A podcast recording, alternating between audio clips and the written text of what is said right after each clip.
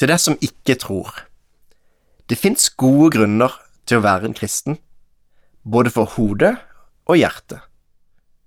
Kanskje du leter etter det ene beviset som gjør at du kan tro, men hva om det ikke er ett vanntett bevis, men mange gode grunner som til sammen gjør det overbevisende å sette sin lit til? Til deg som kaller deg en kristen, hvorfor er du det? Kanskje du har fått spørsmål og ikke helt har klart å gi et godt svar på sparket?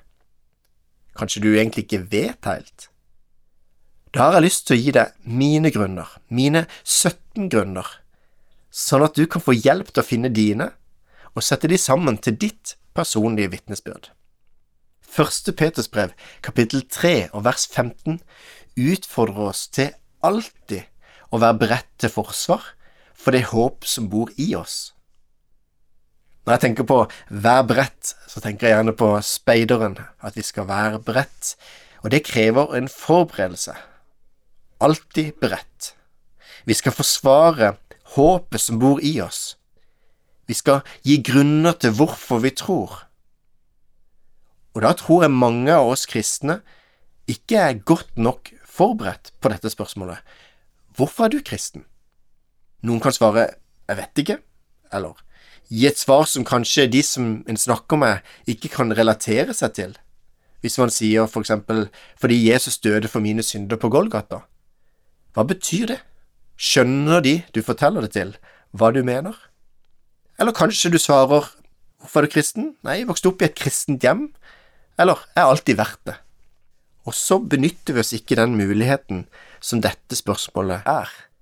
Jeg har blitt grilla mye som kristen. Og hva betyr det? Jo, at jeg har stilt meg til rådighet for at folk kan komme med sine ærlige spørsmål, og så ønsker jeg da som pastor å gi ærlige svar. Jeg har på en måte forsvart troa mi. Men hvorfor skal jeg vente til jeg får egentlig spørsmålet? I Kolossene 4, 5–6 så står det at gå fram med visdom blant dem som står utenfor, og bruk den dyrebare tiden godt. La alt dere sier være vennlig, og la det ha salt og kraft, så dere vet hvordan dere skal svare hver enkelt. Egentlig så handler det om at vi skal ha en vennlighet i møte med mennesker som står utenfor, som ikke tror, en vennlighet som er ispedd salt og kraft. Det skal ikke bare være smil, men det skal være et ønske om å fortelle hva som er viktig for oss. Et eksempel på salt vennlighet det kan være å spørre noen om hva de har gjort i helga, for så å forvente å få spørsmålet tilbake, og eventuelt fortelle noe som har skjedd i kirka, eller et eller annet arrangement som man har vært på. Du benytter muligheten til å dele det håp som bor i deg, og gi grunner til hvorfor du tror. Og når du deler dine grunner, så deler du ditt vitnesbyrd. I disse fem andaktene så vil jeg dele mine grunner og så håper jeg du kan gjøre noen av disse grunnene til dine. Da begynner vi med 17 grunner.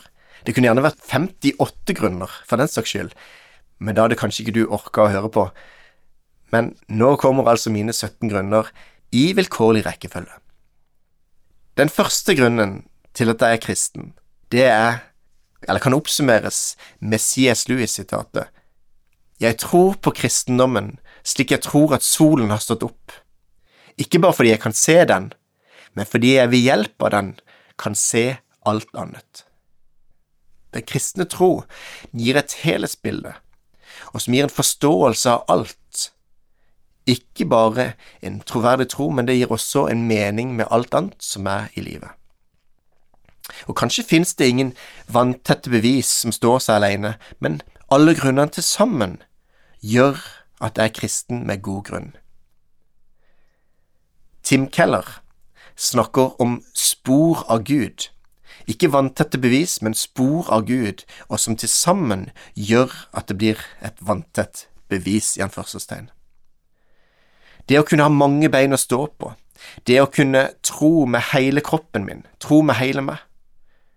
Og når jeg da tviler, ikke hvis jeg tviler, for vi tviler alle sammen, men når jeg tviler, så er det godt å ha mange bein å stå på.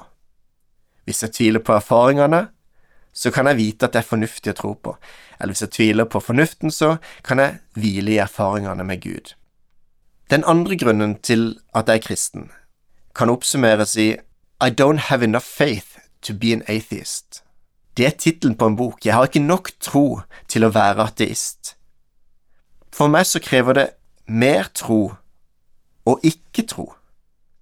En innvending man kan møte, er at jeg tror ikke på Gud, jeg tror på vitenskapen. Men vitenskapen er ikke alternativet til Gud. Jeg tror på Gud, og jeg tror på vitenskap. Det motsatte av Gud er ikke vitenskap, men ikke-Gud, eller en ateisme. Og ateismen er det mye, mye større og mye mer vanskelig, eller mye større hinder for meg, og mye vanskeligere å tro på, enn at det står noe bak. Kjell Aukrust skal ha sagt at det er nødt til å være noe mer mellom himmel og jord enn det som finnes i fuglebøker. Og jeg synes det er bra sagt. Vi kan ikke vite fullt og helt bare ved å se rundt oss, men vi kan få erfare at det finnes noe mer, det er nødt til å være noe mer som står bak.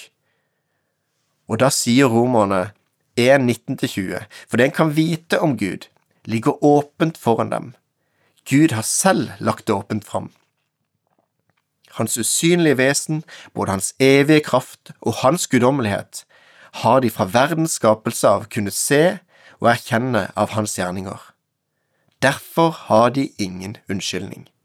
Sitat. Den naturlige åpenbaring viser oss at Gud står bak.